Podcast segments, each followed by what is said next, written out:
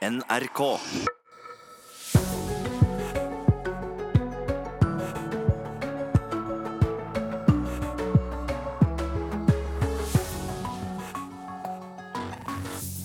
God morgen. Nyhetsmorgen er på plass og skal servere deg siste nytt og reportasjer de neste to timene.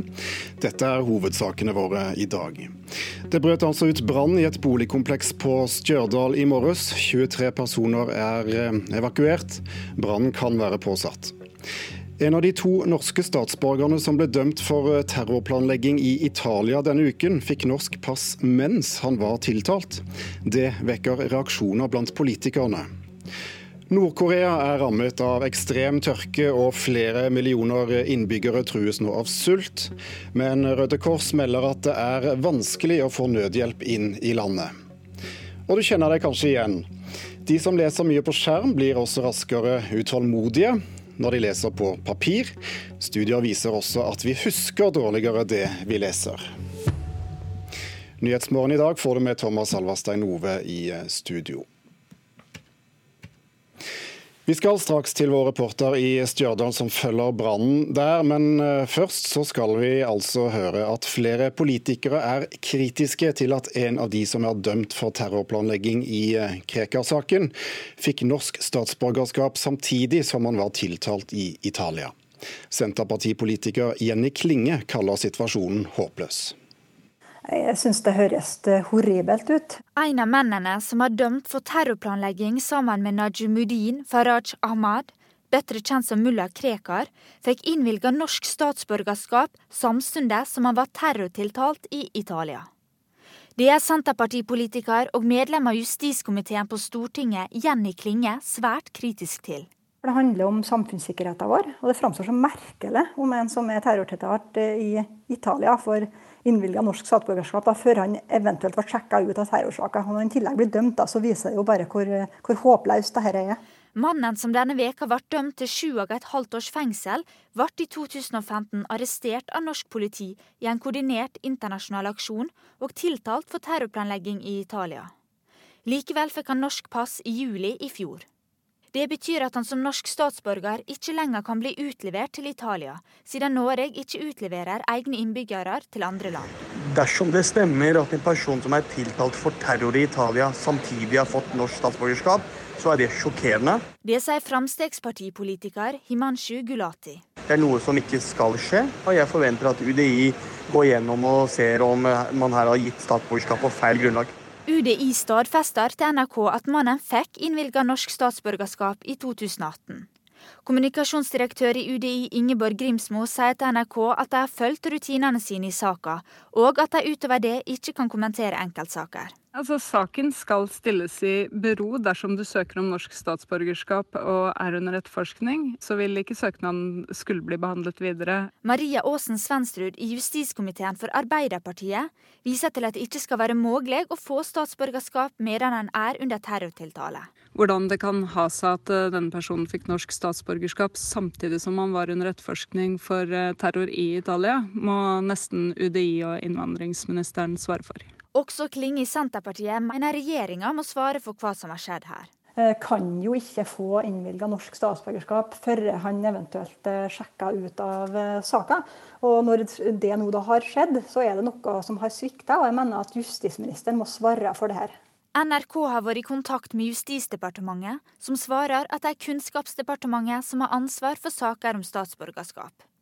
Kunnskaps- og integreringsminister Jan Tore Sanner sier til NRK at han ikke kjenner detaljene i saka, men med bakgrunn i NRK sitt oppslag har han bedt UDI om ei utgreiing. Jeg vet ikke om statsborgerskapet er gitt på riktig eller feil grunnlag. Jeg vet ingenting om det. Forsvareren til den norske statsborgeren som nå er dømt for terrorplanlegging, Solveig Høgtun, sier hun ikke kjenner til på hva grunnlag statsborgerskapet er gjeve. Det eneste jeg kan si, er at jeg håper at uh, det ikke blir trukket tilbake. Reportere i eh, denne saken det var Birgitte Vågnes Bakken og Julie Wiskren. USA og Iran fortsetter ordkrigen seg imellom. I går fortalte president Donald Trump at USA hadde ødelagt en iransk drone som kom for nært et amerikansk krigsskip i Hormuz-stredet sør for Iran. Men Irans utenriksminister avviser at noe slikt skal ha skjedd. Vi snakket med USA-korrespondent Anders Magnus litt før sending. Han forsøker å forklare hva som skal ha skjedd. Amerikanerne hevder at de har fjernet og uskadeliggjort en drone. Om den er skutt ned eller ikke er uh, usikkert. siden CNN melder at den ble ødelagt ved hjelp av elektronisk jamming. og Det kan jo være tilfellet, uh, slik at man ikke behøvde å bruke en rakett for å ta ned denne dronen. Det at Jawad Zarif, som er utenriksminister i Iran, sier at de ikke har registrert at de har tapt noen drone, det kan være et forsøk på å tone ned konflikten. Han kom til eh, FN eh, i New York i dag og snakket med eh, journalister der. Og vektla heller andre ting enn at de hadde mistet en drone. Betyr denne situasjonen at USA og Iran nå kan være nærmere en, en varm krig? Det er ikke så sannsynlig, eh, spesielt ikke ut ifra den måten som Irans utenriksminister reagerte på. Eh, han eh, sa tvert imot at Iran er villig til å gjøre visse innrømmelser for å få i gang samtaler med USA. De innrømmelsene er ikke særlig store. Det var å formalisere en del av denne avtalen som ble gjort i 2015, som man egentlig allerede følger. Men det er et signal om at Iran er villig til å forhandle, og det har jo også Trump sagt at han er. Men eh, Trump eh, krever at eh, iranerne straks stanser å anrike uran, som kan eventuelt brukes i atomvåpen. Og det er nok et hardt krav å svelge for Iran, men begge parter sier de ønsker forhandlinger. Og så langt så er det ingenting som tyder på at uh, de ønsker å trappe opp denne konflikten til å bli en, militær varm konflikt, som du sier. Men dette er jo bare siste av en, en, rekke hendelser de to landene imellom. Um, hvordan er egentlig kontakten nå? Mens uh, Sharif er i USA, så har han planer om å møte eh, amerikanske myndighetspersoner, bl.a. politikere i Senatet. Han har eh, sannsynligvis en avtale med den republikanske senatoren eh, Rand Paul. Han eh, kan nok være en slags mellommann, selv om Trump sier at han ikke har utnevnt han til å, å lede noen som helst forhandlinger. Men det er viktig at landene snakker med hverandre, at de har kontaktpunkter og at eh, de kan forklare sine synspunkter eh, for eh, politikere i det andre landet, sånn at man kan eventuelt finne ut hvor det er en, et grunnlag for å, å komme til bedre, en bedre forhandlingsposisjon. At man begynner å snakke seriøst sammen. I mellomtiden så har jo USA annonsert nye sanksjoner mot firmaer i Kina, Iran og Belgia som kan utstyre Iran med, eh, med metaller som, lage, som, man kan bruke til å lage sentrifuger. Det er disse maskinene som anriker uran. Eh, så, så presset på Iran eh, holdes oppe, men samtidig så er det tegn som tyder på at det kan gå mot forhandlinger.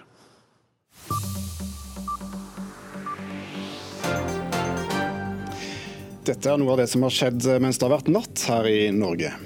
Nødetatene rykket ut til en brann i et boligkompleks i Stjørdal sentrum i Trøndelag litt før klokka 5.30 i dag tidlig. 23 beboere er evakuert, og politiet undersøker nå om brannen kan være påsatt. Ingen er skadd, og brannvesenet har nå gått gjennom bygningen. Japanske medier skriver at den påsatte brannen i et animasjonsstudio i Kyoto i går var planlagt. Brannen tok livet av 33 personer. En mann som ligner den mistenkte brannstifteren, skal ha blitt observert ved en bensinstasjon med to 20-literskanner tidligere på dagen. Politiet har funnet to bensinkanner, kjøkkenkniver og en hammer i nærheten av åstedet. USAs president har nominert en ny arbeidsminister i natt, som han nå ber Senatet om å godkjenne. Han vil at advokaten Eugene Scalia overtar jobben etter Alexander Acosta. Sistnevnte gikk brått av i forrige uke, da han ble innblandet i den pågående skandalen rundt milliardæren Jeffrey Epstein, som er siktet for menneskehandel og seksuell utnyttelse av mindreårige jenter. Og følg med på NRK Nyheter i dag, så får du vite mer om det som skjer. For i dag kommer det dom i den første rettssaken etter Estonia-forliset i Østersjøen for 25 år siden. Over 1000 overlevende og etterlatte krever erstatning fra verftet som bygget skipet, og fra selskapet som godkjente det. Hele 852 mennesker mistet livet i Estonia-ulykken. Denne rettssaken blir ført i Frankrike. Dommen mot 17-åringen som er tiltalt for å ha drept en 16 år gammel jente på Vinstra i 2018, blir offentliggjort. Dommen ble egentlig avsagt i går, men blir altså først i dag gjort kjent for andre enn partene i saken. Og I dag har restaureringen av Nidarosdomen pågått i 150 år. Jubileet blir markert i Trondheim i kveld med kulturministeren til stede. I 1869 lå domen delvis i ruiner etter flere branner i middelalderen. Og 30 håndverkere jobber fortsatt hver dag med å sette kirken i stand. I eh, Stjørdal i Trøndelag måtte altså 23 beboere i dag tidlig forlate boligene sine etter at det begynte å brenne i et boligkompleks. Vår reporter Jøte Toftaker, du har eh, kommet deg til stedet, og hva skjer der nå? Som skjer her nå, er jo at eh, brannmannskapene eh, pakker ned eh, sakene sine, ruller sammen slangene sine. Og så ser vi jo faktisk hva som har skjedd. Det står da like ved dette leilighetskomplekset. Under det så er det en helt utbrent bil, det er helt utbrent et søppelrom, og så ser vi flammene har stått opp langs sidene. Og så har vi skjønt det sånn at det er åtte leiligheter her nå som er ubeboelig. Men Bjørn Rønning, eh, du er innsatsleder for brannvesenet. Hva som møtte dere her i femtida? Klokka fem så fikk vi alarm om eh, brann i noen søppeldunker i Ole Viksgata. Uh, vi kjørte jo ut på det. Uh, og Jeg kjørte jo hele Ole Vigs oppover. og Når jeg begynner å nærme meg Kimen og Halsen ungdomsskole, så ser jeg også at det er noen søppeldunker i området Halsen ungdomsskole som står i brann, men de står ganske fritt. Og Jeg ser det ryker kraftigere lenger øst i Ole Vigs så jeg velger å kjøre opp dit. Uh, kommer opp dit, så ser jeg at uh, For der var det noen trær og sånn som har tatt fyr i tillegg. Kommer opp der, så ser jeg at Eh, når publikum og naboer rundt der hadde god kontroll på det eh, med en eh, hageslange. Mens jeg står der, så ser jeg eh, vestover igjen videre ned tilbake i Ole Viksgata, så ser jeg at det er noe kraftig røykutvikling eh, i området si, Sakshaug sport, i området der. Eh, og Det tar seg opp, så jeg velger å snu, for jeg ser at de oppe her har så god kontroll og kjører nedover. Når jeg kommer ned forbi Kimen igjen, så ser jeg at det kommer fra den eh, blokka som ligger rett eh, vest for Kimen. Eh, og da er det en kraftig brann der innunder blokka. Og I løpet av kort tid så er hele den øst-nordlige delen av blokka i tre etasjer den er jo innhylla i kørsvart røyk og flammer. Mm. Og Hva er situasjonen? Hvem som bor i den blokka? Det er mye eldre folk som bor der. Eh, sånn at, eh, og Jeg så jo at jeg kom fram at her var ikke noen folk som var våkne, så jeg valgte jo å bruke sirenene ganske aktivt for å begynne å vekke opp folk. Og jeg ser jo at folk eh, våkner etter hvert. Og Mannskapsbilen vår kommer, og vi setter inn det vi har for å få slått ned her, sånn at vi kan begynne å få evakuert ut folket fra blokka. Og Du har jo sagt det nå, det er jo det som er kanskje veldig spesielt her. at Du snakker jo faktisk om fire branner på et lite område. Eh, dette er ikke sjølantenning? Nei, altså, det for, eh, på en måte, altså Politiet skal jo etterforske det her. Eh, men for meg så blir det veldig mistenkelig at det er fire branner på så lite område. Og alt sammen er i forbindelse med søppeldunker. Ja. Du, da skal vi ta kjapt til politiet her også. Innsatsleder Børstad, hva tenker dere? Nei, Jeg støtter meg egentlig til det en eh, Rønning sier. Det er jo veldig unaturlig at det skal brenne eh, flere plasser samtidig i Stjørdal sentrum midt på natta. Eh, så vi etterforsker det som at det skal være påsatt. Ja. Og dette er jo kun flaks at det ikke er dødsfall her? Eh, ja, takket være god innsats av Stjørdal brann og redning som var tidlig på stedet, så kan vi jo si at det her var flaks. Eh, det her skjer midt på natta. Folk ligger og sover. Eh, brann er jo på stedet så godt som når det tar fyr i blokka.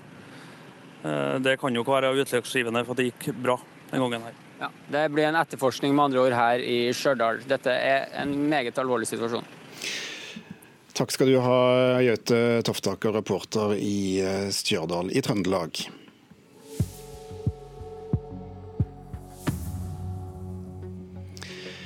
Brannen i Stjørdal i morges kan altså ha vært eh, påsatt.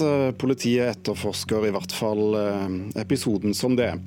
Det begynte å brenne for drøyt to timer siden, og 23 personer ble evakuert. Senterpartiet kaller det håpløst at en person som nå er dømt for terrorplanlegging i Italia, fikk norsk statsborgerskap mens han var tiltalt i saken. USA hevder å ha ødelagt en iransk drone som nærmet seg et av deres krigsskip på vei inn i Persiabukten, men Iran sier de ikke har mistet noen drone.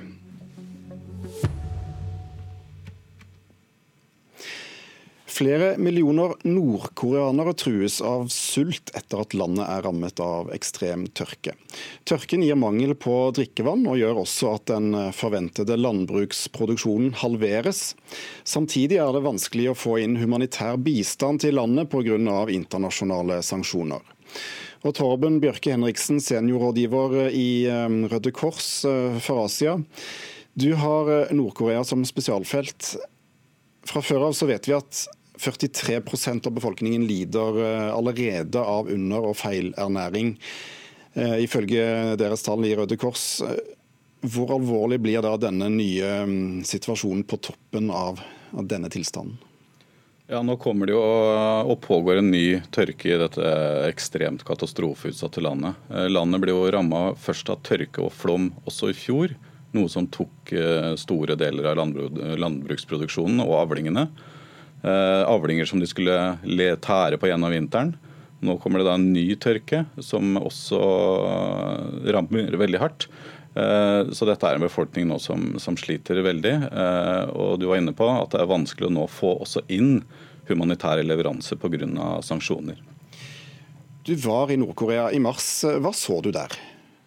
Da så vi en befolkning som akkurat var i gang med eh, å sette i gang årets eh, avling. Og landbruksproduksjonen var eh, i sin tidlige fase. Eh, man hakka og, og pløyde i jorda. Eh, og det er dette som er fokus for befolkningen egentlig året igjennom, men særlig intensivt fra april til september. Så mat er prioritet nummer én. Og vi vet allerede at de har svært lite. Mange lever på et eksistensminimum kun grønnsaker for de aller fleste. Eh, så nå kommer det en ekstra byrde oppå dette her med at eh, det blir enda mindre mat. Eh, en mengde som det er vanskelig å forestille seg at noen kan overleve på.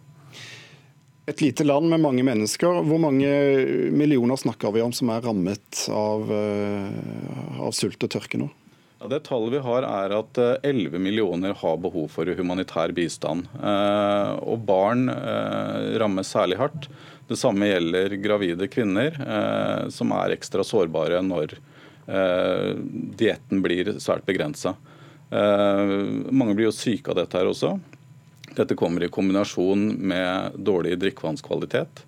En enkel sykdom som diaré kan også ha dødelig utfall i Nord-Korea. For mange kommer til helsevesenet uten medisiner, uten et tilbud til disse som blir syke. Og da blir øh, utfallet ofte fatalt. Nord-Korea har altså en lang rekke sanksjoner mot seg som, som da gjør det vanskelig å få inn nødhjelp. Men, men, hva kan dere i Røde Kors da gjøre? Vi driver en rekke prosjekter her øh, i dette landet. Vi øh, støtter 20 landsbyer med drikkevann, med matproduksjon. Vi jobber for at disse landsbyene skal kunne tåle naturkatastrofer bedre. Så dette er hovedfokuset for oss, å få disse menneskene eh, opp på et visst nivå, så de kan tåle disse enorme belastningene på en bedre måte. Torben Bjørke Henriksen fra Røde Kors, takk for at du orienterte oss om situasjonen i Nord-Korea. Okay, Neil, we can see you coming down the ladder now.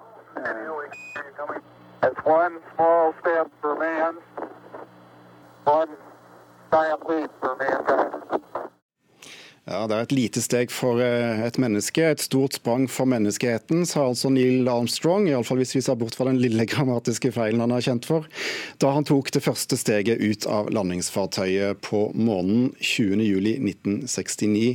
Ble han og Buzz Aldrin de første menneskene som landet på eh, på månen. Og Marianne Vinje Tantillo, du er fagsjef for um, romstasjon og utforskning ved Norsk Romsenter.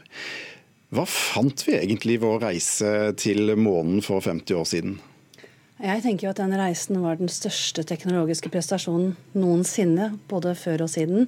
Eh, man sendte jo for første gang et levende vesen, et menneske, til et fremmed himmellegeme, månen. Eh, og det er så spektakulært at eh, ja, vi har ikke klart å, å gjøre noe, noe, tilsvarende siden.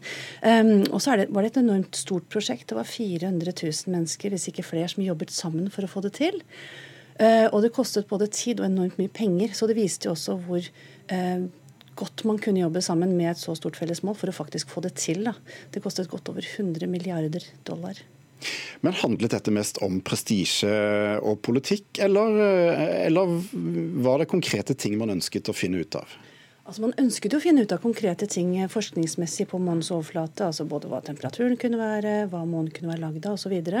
Men det var jo hovedsakelig drevet av et politisk kappløp med russerne, som jo eh, allerede hadde sendt en mann i bane før eh, USA gjorde det, og allerede eh, hadde sendt eh, utstyr ut. da, før, Litt sånn i forkant av det NASA selv klarte å få til. Så, så det var nok drevet av dette nærmilitære kappløpet med, med, Russland. Det var det absolutt. Men, men, det var forskningsmessige ting og teknologiske ting de gjerne ville finne ut også.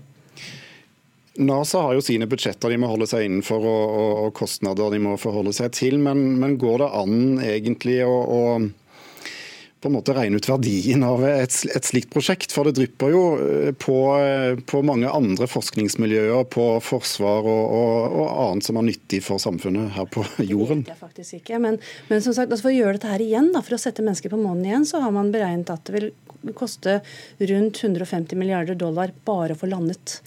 Um, og nå planlegger jo både USA, NASA, og, og ESA Europa, Kina og, og, flere å gjøre det samme. Så det er jo snakk om store midler i spill. Og det vil jo bli mye teknologiutvikling og nyskapning ut av det også, selvfølgelig. Men å, å verdisette det, det, det klarer jeg ikke. Både Barack Obama og Donald Trump eh, har lovet en ny månelanding i fremtiden. Tror du det er eh, realistisk? Ja, absolutt. Eh, fram til i år så var jo planen å sette mennesker på månen i 2028. Og, og, både Europa og NASA sammen jobbet for å lage en romstasjon rundt månen, og så derfra sette mennesker ned på månens overflate. Eh, og så kommer jo Donald Trump Mike Pence ut nå i vår og sier nei, vi skal faktisk få det til i 2024. Og da, da går det jo fra å være en slags teknologisk drevet eh, månelanding til å bli litt mer politisk drevet, for 2024 er jo fortsatt innafor det Trump tenker kanskje kan være hans andre eh, presidentperiode. Um, og hvis han er villig til å putte nok penger penger i det for å få det til i den perioden, så vil det kanskje til og med skje i 2024. Men uansett så er verdenssamfunnet nå mer fokusert på å komme seg tilbake til månen. Både fordi de ønsker å forske mer der, de ønsker å gjøre teknologiutvikling, og de ønsker å bruke det som en sånn steg videre ut til Mars og videre utover i verdensrommet for menneskeheten. Mye spennende å følge med på i, i det store verdensrommet. Tusen takk, Marianne Vinje Tantillo, for at du kom til Nyhetsmorgen. Vi skal eh, over til noe ganske annet. For eh, mye digital lesing fører til at konsentrasjonen vår går ned, viser nye studier. De av oss som eh, leser mye på skjerm, blir også raskere utålmodige når vi leser på papir. Jeg merker at jeg blir mer utålmodig til å, å lese hele setninger. Det blir mer overfladisk. Det stemmer. Altså, det er forskningsbelegg for at vi faktisk blir mer rastløse fortere enn før når vi leser i dag. Marte Blikstad Ballas, professor på Institutt for lærerutdanning og skoleforskning ved Universitetet i Oslo, har bl.a. forska på digital lesing på åttende trinn i 100 ulike klasser. Hun sier forholdet til skrift endres radikalt av den digitale lesinga. Ja, det man har funnet gjennom mange store internasjonale undersøkelser, det er at hvor fort vi blir utålmodige. Fordi vi scroller og klikker og kanskje eh, leser en avissak f.eks., hvor det kommer lenker til andre saker, det kommer reklame, det kommer mange sånne avbrudd hele tiden. Til og med når vi leser nå kanskje en helt vanlig roman eh, på hytta i sommerferien, så er vi vant til å ha lest mange korte tekster med mye avbrudd. Så vi forventer faktisk avbrudd også når de ikke er der. Så vi blir raskere utålmodige også hvis vi leser en lengre, eh, tradisjonelt trykt tekst. Jeg leser ikke på papir. Ikke i det hele tatt. Mm. du slutta med det? Ja. Professor Ballas sier mye lesing på skjerm har ført til at den såkalte kognitive utholdenheten vår er blitt svekka. Den har gått ned.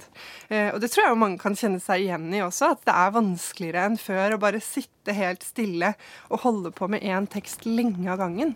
Husker du noe telefonnummer utenom ditt eget? Det sitter fortsatt noen fasttelefonnummer i huet Ja. som ikke kan brukes lenger. Husker du noe telefonnummer? Mamma sitt, og så kan jeg sykebilen sitt, og brannbilen sitt, politiet sitt.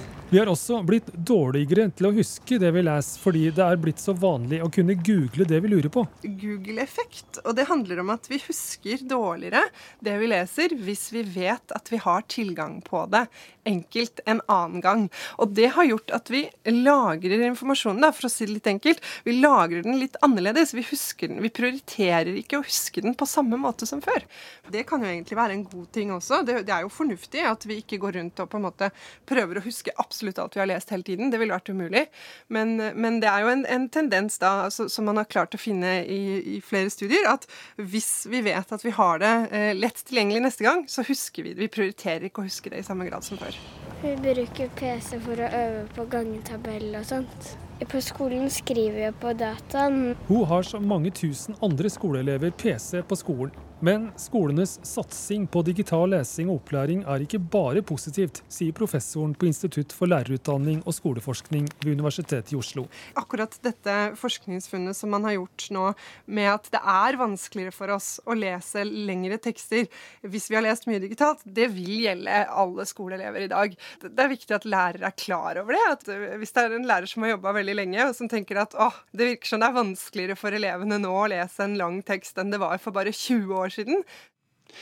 Professor og forsker Marte Blikstad Ballas ved Universitetet i Oslo, reporter Stein S. Eide. Nå blir det Dagsnytt i Nyhetsmorgen med Tone Nordahl. Terrortiltalt fikk statsborgerskap. Flere politikere er kritiske og ber om redegjørelse. Politiet undersøker om boligbrann i Stjørdal er påsatt. 23 beboere er evakuert. Og USA hevder landet har ødelagt en iransk drone. God morgen, her er NRK Dagsnytt. Klokka er 7.30. Ja, flere politikere er kritiske til at en av dem som er dømt for terrorplanlegging i Krekar-saken, fikk norsk statsborgerskap samtidig som han var tiltalt i Italia. Senterpartipolitiker Jenny Klinge kaller situasjonen håpløs. Jeg syns det høres horribelt ut. En av mennene som er dømt for terrorplanlegging sammen med Najumuddin Faraj Ahmad, bedre kjent som mulla Krekar, fikk innvilga norsk statsborgerskap samtidig som han var terrortiltalt i Italia. Det er Senterpartipolitiker og medlem av justiskomiteen på Stortinget, Jenny Klinge, svært kritisk til. Når han i tillegg blir dømt, da, så viser det jo bare hvor, hvor håpløst dette er. Mannen som denne veka ble dømt til sju og et halvt års fengsel, ble i 2015 arrestert av norsk politi i en koordinert internasjonal aksjon og tiltalt for terrorplanlegging i Italia. Likevel fikk han norsk pass i juli i fjor. Det er noe som ikke skal skje, og jeg forventer at UDI går gjennom og ser om man her har gitt statsborgerskap på feil grunnlag. Det sier Frp-politiker Himanshu Gulati. UDI stadfester til NRK at mannen fikk innvilga norsk statsborgerskap i 2018. Kommunikasjonsdirektør i UDI Ingeborg Grimsmo sier til NRK at de har fulgt rutinene sine i saka, og at de utover det ikke kan kommentere enkeltsaker. Klinge i Senterpartiet mener regjeringa må svare for hva som har skjedd her. Og Når det nå da har skjedd, så er det noe som har svikta, og jeg mener at justisministeren må svare for det her. NRK har vært i kontakt med Justisdepartementet, som svarer at det er Kunnskapsdepartementet som har ansvar for saker om statsborgerskap. Kunnskaps- og integreringsminister Jan Tore Sanner sier til NRK at han ikke kjenner detaljene i saka, men med bakgrunn i NRK sitt oppslag har han bedt UDI om ei utgreiing. Reportere her var Birgitte Vågnes Bakken og Julie Wiskren. Politiet undersøker nå om brannen i Stjørdal sentrum i Trøndelag i dag tidlig kan være påsatt. 23 beboere måtte forlate bygget etter at det begynte å brenne rett før klokka 5.30. Og reporter Gjøte Toftaker, du er med oss fra Stjørdal. Hva skjer der nå? Nei, det som skjer her nå, er at Politiet har sperra av et område rundt eh, denne boligblokka som, eh, hvor eh, de beboerne er evakuert fra. Der inne så åtte leiligheter er ubeboelige. Vi er midt i sentrum. Vi er liksom i det parkområdet ved siden av Kimen kulturhus, som, som er området her. Da. Og her er det litt brannfolk igjen, og så er, er beboerne evakuert til et hotell i nærheten. Og jeg kan jo si Det sånn at det er jo da fire branner på et lite område som Det var det som møtte brannvesenet når de kom hit tidlig i dag tidlig. Og det var brann i søppelcontainere, og da også brann i denne, dette leilighetsbygget. Da. Og Jeg står og ser på det nå. Under det så er det da en utbrent bil, og det er en til bil som har fått skader. Og ja, det brannvesenet fortalte, var at der var det full overtenning, og det var over 20 beboere. Han som kom først dit, Remi Halsen, hva var det som møtte deg?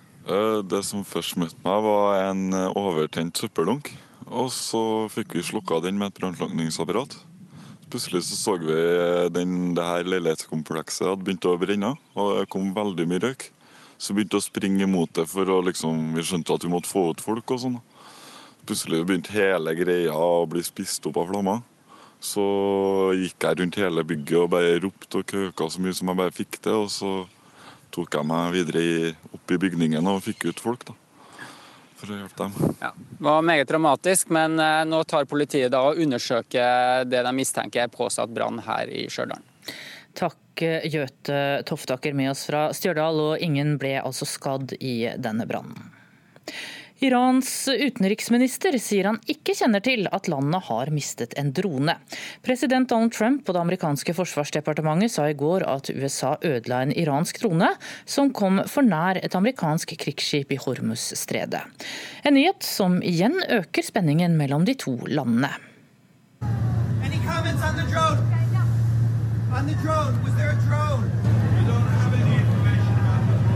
Vi har ingen informasjon om noen drone, sa Irans utenriksminister Jawad Zarif da han kom til FNs hovedkvarter i New York i går kveld for å møte organisasjonens generalsekretær.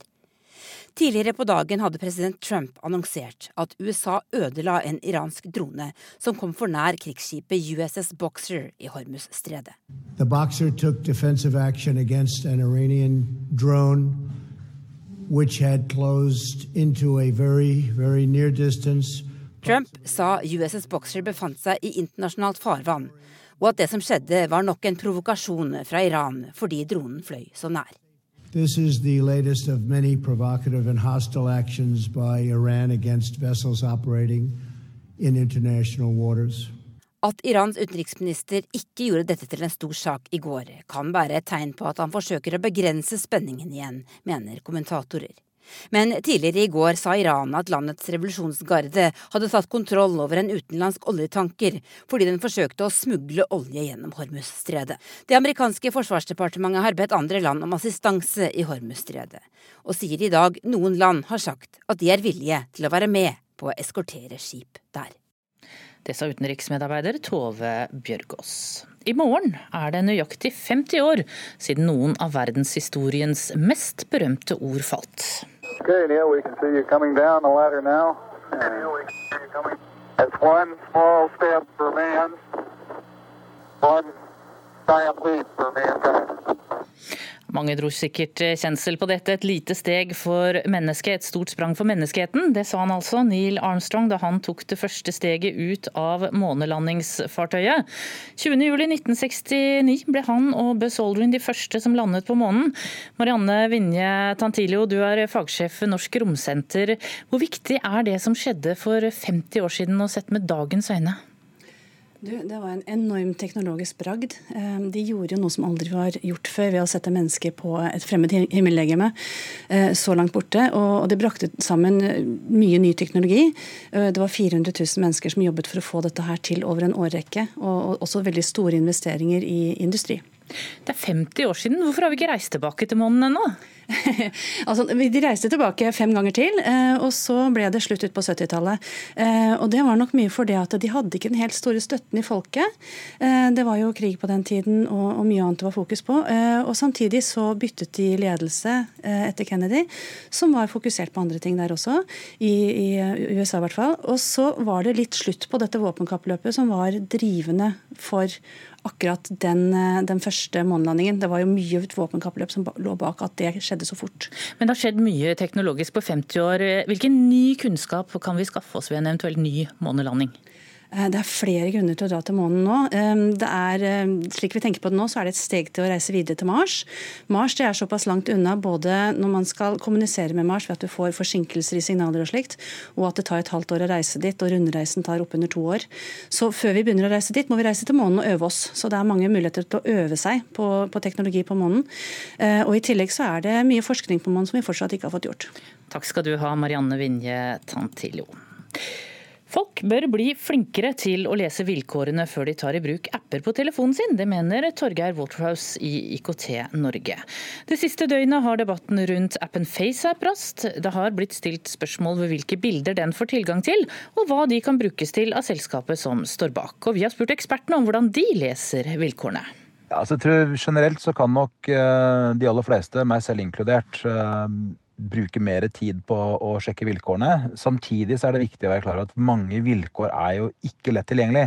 Det sier Torgeir Waterhouse. Han er direktør for internett og nye medier i IKT Norge.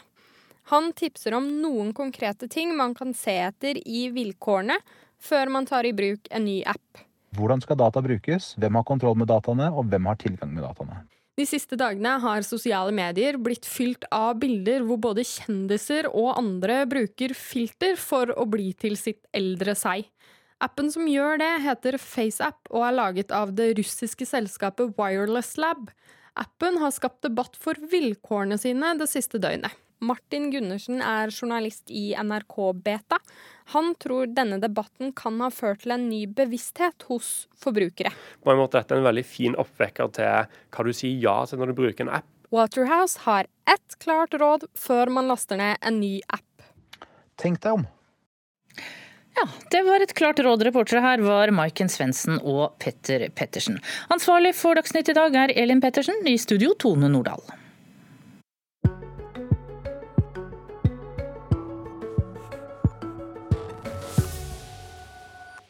I uh, Nyhetsmorgen nå skal det handle om uh, sykler. For uh, vaktselskapet Falk får inn hundrevis av stjålne sykler rundt om i landet. Når politiet gir opp og finner ut av hvem som egentlig eier dem, så havner syklene hos Falk. Men noe er forunderlig. Nesten ingen besøker dem for å lete etter sykkelen sin i det stadig voksende lageret deres. Det er litt skremmende egentlig. Sier det noen ting om kriminaliteten på sykkel? Sier det noen ting om at vi ikke tar godt vare på, eller sitter vi inne? Jeg veit ikke. Katrine Gran ved Falk i Trondheim ser utover havet av sykler i bakgården deres. Det er gjerne her en stjålet sykkel havner når politiet har gitt opp å koble den til en eier. Nå har Falk rundt 700 sykler på rekke og rad utover gårdsplassen, i containere og i boder. Ronny Rasmussen viser oss. En, Men nesten ingen kommer til Falk for å lete etter en sykkel de har mista eller blitt frastjålet. Ikke bare i Trondheim, men også på sykkellageret i Oslo, Stavanger og på Råde i Østfold. Når du ser mengden sykler vi har, og sånt, så skulle du tro at det er noen som er interessert i å få dem tilbake eller finne dem. Men det er veldig få som leter etter sykkelen sin. En i vekka, kanskje. Hva syns du om det? Det er altfor lite. Har du mista sykkelen din? Det er ganske stor sjanse for at den står her. De ansatte har spekulert mye i hvorfor interessen for å finne igjen sykkelen er så laber, og de har noen teorier. Har du mista spesielt elsykkelen din, så bruker du den sikkert til barnehage, og til jobb og til skole. Da har ikke du tida til å vente i 14 dager, to måneder på å få igjen sykkelen din. Da tar du forsikringa og kjøper deg en ny sykkel. NRK har snakka med tre av Norges største forsikringsselskap, som alle sier at det tar kort tid å få pengene tilbake. Vanligvis så tar det én til to dager. Sier kommunikasjonssjef i Gjensidige Pål Rune Eklo. Sykkeltyveri har eh, dessverre blitt et, et, samfunnsproblem. Det skjer vanvittig mange tyveri i, i løpet av et år. 10 000-11 000 tyveri som blir meldt til forsikringsselskaper. I tillegg så er det veldig mange som ikke blir meldt. Mange har gode råd. I stedet for å, å lete etter den gamle og, og bruke tid på det, kjøper de heller en, en ny en. Hos folk har de det samme inntrykket. Jeg tror nok det gjenspeiler litt bruk- og kastsamfunnet vi lever i. da. Folk kjøper ting, de tar nok vare på det, men de er litt beskytta i, i, det at det er ikke en ruin å miste en sykkel til 30 000. Ja, Det sa Ronny Rasmussen hos Falk Trondheim. Reporter i saken var Kirsti Kringstad.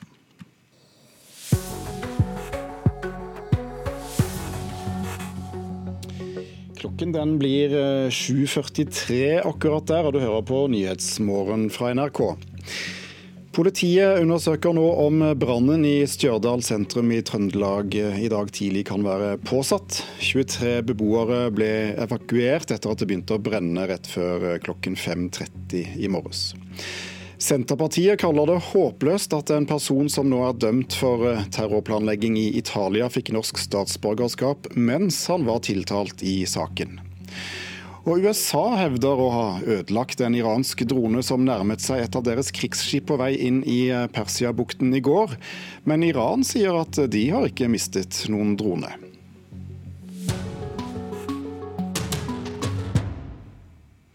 I sommer sender vi portretter med politikere foran valget i september, på den tiden du vanligvis hører Politisk kvarter. I dag skal vi treffe en ordførerkandidat for partiet Rødt. Geir Oldeide har vært med i partiet helt siden det het AKP-ML, og er fremdeles ikke redd for å kalle seg kommunist. Mye har forandret seg siden partiet var mest opptatt av væpnet revolusjon, Pol Pot og Mao, men Oldeide har aldri mistet engasjementet. Har du det, ja? Ja. ja der er dette er huset. Det er huset. Kjempebra. Tusen okay. takk. En fisk skifter hender utenfor Domstein sitt fryselager på Raudeberg utenfor Måløy. Selgeren heter Geir Oldeide. Som ung fisker meldte han seg inn i det maoistiske partiet AKP-ML i 1977. Og han har vært svært aktiv i partiet og dets etterkommer de siste 52 åra. Han har sittet i kommunestyret i Vågsøy i mer enn 20 år, og i år så er han enda en gang ordførerkandidat for partiet Rødt. Rett etter videregående skole, så gymnaset så, så ble jeg med på en sånn studiering i Rød Ungdom. Og, og syns jeg fikk veldig mange gode svar på hva på måte som var skeivt med verden. Og hvorfor krise og krig og sånn oppsto i økonomien. og altså, Jeg syns jeg fikk veldig mange gode rette svar på det. Jeg hadde på en måte lenge kalt meg sosialist. Og partipolitisk stått en plass sånn her mellom SV og, og Rød valgallianse, som det heter på den tida. Men, men sånn på en måte uten å grave meg noe særlig ned i teorien på det. Men da fikk jeg synes jeg, veldig mange gode svar. Så endte med at jeg meldte meg inn i Rød Ungdom, og, og derifra har jeg på en måte vært med i den bevegelsen. Hva var målet, da? Var det å lage revolusjon i Vågsøy? Nei.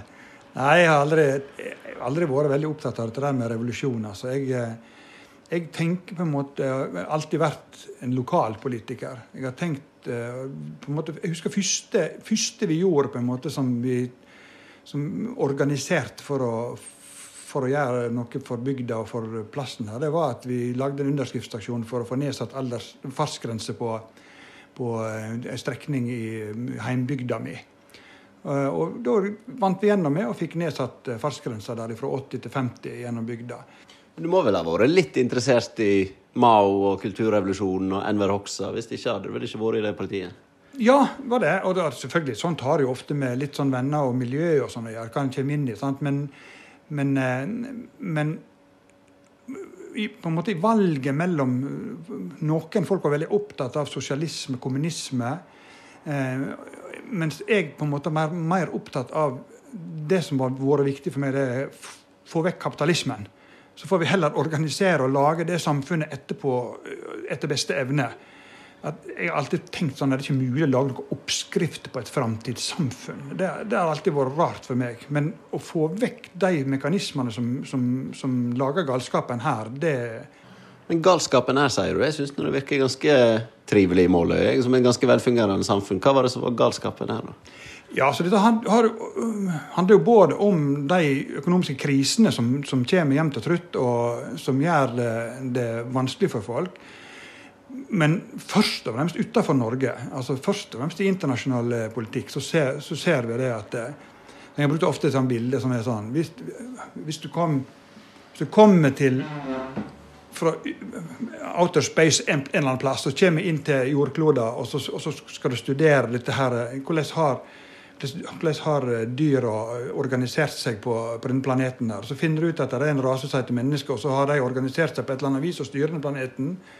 Men hvordan i all verden har de gjort det? Jo, de har gjort det på en sånn måte at noen få, noen få prosent av verden sitter og eier og styrer det aller meste, mens veldig stor del av menneskeheten lever i elendighet. altså. Og, og, og dette der, denne måten å organisere på, det er, virker helt, helt, merkelig på meg. Og så, men, så Samtidig så, så, så, er vi på ei grønn grein her. Men det er jo delvis pga. det. Altså, den, den for å si sånn, hvite verden har jo hele tida levd på ryggen av elendigheten i resten av verden. Så det handler om rettferdighet og ikke bare på en måte at vi, vi har det godt her i Norge. Men noen av den verste elendigheten fant en vel i regimet som eh, AKP-ML var begeistra for i Kina, i Kambodsja og i Albania? Ja. sant, altså Undertrykking og, og despoter fins jo i for å si sånn, alle samfunnssystem og i alle verdenshjørner. Og helt klart, altså, Vi unge folk som las Maos 'Lille røde', og dette her, sant, så jo på han som eh, dette her er noe helt annet. Og, og, og mente og trodde det at mye av det som ble sagt om han ifra, ifra i, andre politiske parti eller fra aviser og journalister og sånt, at det var, det var oppspinn som viser seg etterkant var sant. Sånn at det er klart at det har vært masse undertrykking i kommunismen sitt navn. Det, det, er ingen som må tvile på det. Akkurat som det er sånt i Man kaller seg liberalisme eller kaller seg uh, ren kapitalisme eller hva det er for noe. Så altså, makt korrumperer. Det viser seg jo igjen og igjen og igjen. Ja, for Hvordan var det å uh, stå fram som uh, kommunist og marxist-leninist her i Måløy på 70- og 80-tallet? Nei, det, det, var, veldig tøft, faktisk, første, første gangene. fordi at det var veldig fremmed og veldig nytt, og, og ingen hadde gjort det før her. Og, og, og enkelte reaksjoner var veldig veldig harde og tøffe. Altså, vi opplevde helt klart fysisk at folk spytta etter oss på gata. Altså, og folk uh, skjelte oss veldig ut. og Dette varte en jeg vet ikke, et år eller to, men det snudde voldsomt etter vi kom inn i kommunestyret da, da, da var det helt, ble en helt annen holdning til oss. Altså. For når vi så hva vi faktisk sto for i praksis. da. Men de spytta etter dere når dere demonstrerte, da? eller hvordan var det? Ja da, vi sto på stand f.eks., så kunne vi oppleve det. sant? Eller at folk eh, bare skjelte oss ut eller kalte oss ting når de gikk forbi oss. eller altså et, veldig sånn. I tillegg til det så har vi jo den eh, systemet sitt, sin trakassering ut av oss. sant? At vi faktisk ble overvåka og og eh, hindra jobb. Altså folk, folk fikk problemer med å få jobb fordi at det ble kjent at de var i vårt parti. Så rett og slett mista jobben sin, eller, eller ble nekta jobb i jobb de søkte på. Sånt. Så det var, det var, ganske tøft. altså. Det ble jo avslørt senere at det var en veldig dokumentert overvåking ut av, ut av vårt parti og miljøet rundt oss. da. Og Det er mye snakk om hets mot politikere nå. Eh vil du si at det var verre det som dere opplevde? Ja, det var det. Det, det, er, helt, det er, ganske klar på at det var. Fordi at det hadde så store konsekvenser for den enkelte om en ikke fikk jobb, f.eks. Og at en faktisk ble havna i, i arkiv der en ble, ble uglesett på alt, alle mulige slags måter. Så det, det, var verre enn en i hvert fall mange opplever nå. Jeg vil ikke underslå det at enkelte folk får, har forferdelig tøffe tider med, med hetsing òg. Men eh, men i forhold til det som stort sett er, man hører om og ser om nå, så, så var dette mye tøffere. Og, men så, samtidig så vil jeg si det, da, at eh, fra vi begynte på en måte og fikk vist i praksis hva vi, til, hva vi dugde til, og hva vi sto for, så har dette snudd veldig. og at vi, Jeg vet ikke, jeg bruker å si, jeg har ikke tall på hvor mange blomsterbuketter jeg har fått på døra, og hvor mange telefoner hvor mange meldinger jeg har fått med skryt. altså Der folk har takka meg for at vi står på for vanlige folk. Så det handler på en måte noe om òg sånn hva, hva, en eh, faktisk gjør. da, for Hvis en, hvis en som folkevalgt og politiker kjører over folket gang etter gang etter gang, da fortjener en å få kritikk. Og omvendt, hvis en faktisk står på vanlige folks side og slåss for folk, da, viser seg at da er ikke det hets en får, da får en faktisk skryt og ros. altså. Mm.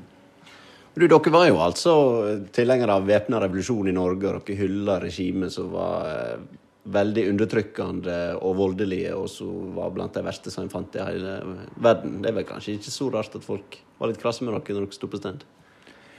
Jo, men, men så, vi så det jo ikke sånn at dette her var regimet som var undertrykkende. Altså, Tvert imot, altså, mente vi da. Sånn, sånn at det er noen, ene sider av det. Men, men akkurat det med revolusjon altså, jeg, har, jeg har jo brukt og sagt det at jeg tror at folk flest i Norge er for revolusjon. Jeg, altså. Altså, Én ting er jo stor omveltning og få noe bedre, sant? men faktisk væpna revolusjon. Da. Og Det handler jo om det at eh, de fleste er jo for at eh, hvis du blir hardt undertrykt av en diktator eller et regime på et eller annet vis, så er det rett å gjøre opprør. Og det er faktisk fullt forståelig og fullt forsvarlig å gjøre opprør mot det. Det sånn har jeg sett på det med revolusjon. At det handler om hvis den blir undertrykt, hvis den blir trakka ned, da er det rett å gjøre opprør. Og Det støtter jo folk i andre land i verden, og det støtter jo folk bakover i historien i Norge òg. Så det, det, er jo sånn jeg har sett på det. i hvert fall. Men det er kanskje noen som sliter med å se hvordan fiskeren Geir Oldeide her i Måløy er så hardt undertrykt? da? Ja, og det ser jeg veldig gjerne. og Derfor handler det på en måte ikke om det handler jo om det at hvis, hvis vi skulle komme der hen at Norge ble et undertrykkingsregime, så må det være fullt rett å forsvare seg mot det. Så sagt så har du vært med i dette partiet nå i over 50 år. Hvordan har eh, partiet forandra seg? Mm, ja, altså det er jo et helt annet parti nå enn, enn eh, det som var AKP-ML, som jeg var med i sin tid. For det var jo et sånn et, lederparti med veldig veldig strenge krav til uh, aktivitetsnivå og, og, og, hvordan en på en måte skulle oppføre seg og, og hva en skulle prestere. Men det, sånn er det jo ikke nå. Nå kan jo hvem som helst bli med i partiet, og det er ingen krav til at en verken skal Eh, stå på stand eller skrive avisinnlegg eller være med på noe som helst. Altså, det kan nesten være sånn støt, støttemedlemmer. Det, det er ei, veldig klar side. Så det er ikke på en måte et kommunistisk parti i hele tatt lenger, i den forstand som, som, eh, som Lenin snakket i sin tid om et kommunistisk parti. Det er noe helt annet. Og så En annen ting som jeg syns er veldig veldig stas, da, det var det at eh, for en del år tilbake, jeg husker ikke når det kom, da, så ble det prinsippfesta i partiet at, eh, at uenighet er bra. At uenighet skal, skal eh, elskes fram. Og at det skal protokollføres at folk er uenige, og at mindretallets syn hele tiden skal komme til syne. Det, det syns jeg var, var, veldig oppløftende når det kom inn, inn internt i partiet. Da. Hva er de eh, store sakene for et parti som Rødt i Kinn og i Vågsøy nå i valget i 2019? da? Altså For det første så har vi en overordna målsetting om at det, på en måte Forskjells-Norge det er noe vi eh, mener det er viktig å slåss mot. At forskjellene øker og øker og øker. Selv om vi har det veldig bra i Norge, så er det faktisk sånn at det blir flere og flere fattige og flere og flere superrike. Så, så Den utviklingen går feil. Så Det er noe sånn overordna mål. på en måte, At vi skal på en måte finne de, de eh, sakene, de, de eh, punktene der vi kan minske forskjellene og, og slåss for de som er nederst på rangstigen. Men utenom det så er akkurat i Vågsøy så er jo selvfølgelig dette her, eh, ja, for den som skyld Flora òg, dette her med sammenslåingsspøkelset, dette her Kinn-konstruksjonen som, som, som rir dette samfunnet som ei mare nå. Hva syns du om kommunereformer generelt, og hvis en ser utover bare her i Vågsøy? Nei, vi, Rødt har jo helt klart syn på det at det er en privatiserings- og sentraliseringsreform. Det, det er kommet fordi at en skal legge bane veien for økt privatisering i, i, det offentlige Norge. Så lenge en har relativt små kommuner og små miljø, så er det ikke lønnsomt for store bedrifter og multinasjonale selskap å komme inn og skal drifte f.eks. en sykehjem eller en barnehage. Men hvis en kan lage større enheter der en får anbudsregime Da har en lagt grunnen for at disse her store selskapene kan komme inn og ta over, privatisere. Og Det er det som er den store trenden nå. Det er ikke lenger familiebarnehager og, og ideelle, ideelle, kristelige barnehager og sånt som, som, de blir kjøpt opp i stor stil de nå av, av store konsern som skal drifte dette her og ta ut profitt. Så det handler om det at det er ikke lenger muligheter for å få profitt i industri og handel på samme måten som det har vært før. Og ett område i samfunnet vårt som har vært skjerma for den profitten, det har vært det offentlige sektoren. Skole og omsorg. Og Der skjer de store endringene nå de siste årene. Og Kommunereformen er en del av det. Legge til rette for større enheter som en kan privatisere. Men En del kommuner her i fylket for eksempel, har jo under 2000 innbyggere. Du ser ikke den at det kan være vanskelig å skaffe kompetanse til kommunehusene eh, som er høyt utdannet fra storbyene, når en har så små fagmiljø? Nei, det er en myte. Stort sett så er det en myte. Det altså, det er sånn at for det første, så Hvis en ser på eh, store kommunene, veldig store kommunene og by, store bykommuner, sånn, så har de akkurat like store problemer med å skaffe folk til fagmiljøene sine. Det er det ene. Det andre er at det blir ikke flere fagfolk. selv om du, Sånn at det, Alle må slåss om de samme fagfolkene. Og, og, så har du kommunesamarbeid som faktisk viser seg å funke. Altså, det har iallfall vist seg her i kommunen vår. At det er utstrakt kommunesamarbeid med nabokommunene våre for å løse den ting, altså når det blir bare én og to innenfor f.eks. barnevern, eller hva det er, så funker det faktisk å lage samarbeidsorgan. Altså. Mm. Vågsøy er en kommune som har opplevd eh, folketallsnedgang i noen år eh, nå. Hvordan vil Rødt i Vågsøy snu det? Nei, det, det jeg, Ærlig talt, jeg ser ikke at det går an å snu det. Jeg, altså, du har flaks, veldig flaks hvis du skal greie å snu noe sånt. For det er en landstrend. Det er alle utkanter. Det er omfattende sentralisering som har holdt på i veldig, veldig mange år. Byene er magneter på ungdommene spesielt. Og dette der vil fortsette. Det er enkeltmiljø som greier dette her. Men jeg tenker vi kan ikke gi opp. Vi er nødt til å bare tenke sånn at vi skal prøve å legge til rette for at det er arbeidsplasser. Sørge for at det er gode skolemiljø, sørge for at det er gode barnehagetilbud og sånn. Og, og så håpe på at folk vil fortsette. De som sier at jeg har fasitsvar på dette og, og, vi har løsninger, jeg tror ikke på dem. Altså, det, det er å jobbe i motbakke, kort og godt. Det var reporter Alexander Åsnes som hadde møtt eh, Rødts Geir Oldeide. Og du kan høre alle sommerportrettene som eh, podkast hvis du ønsker, eh, på Politisk kvarter på nett.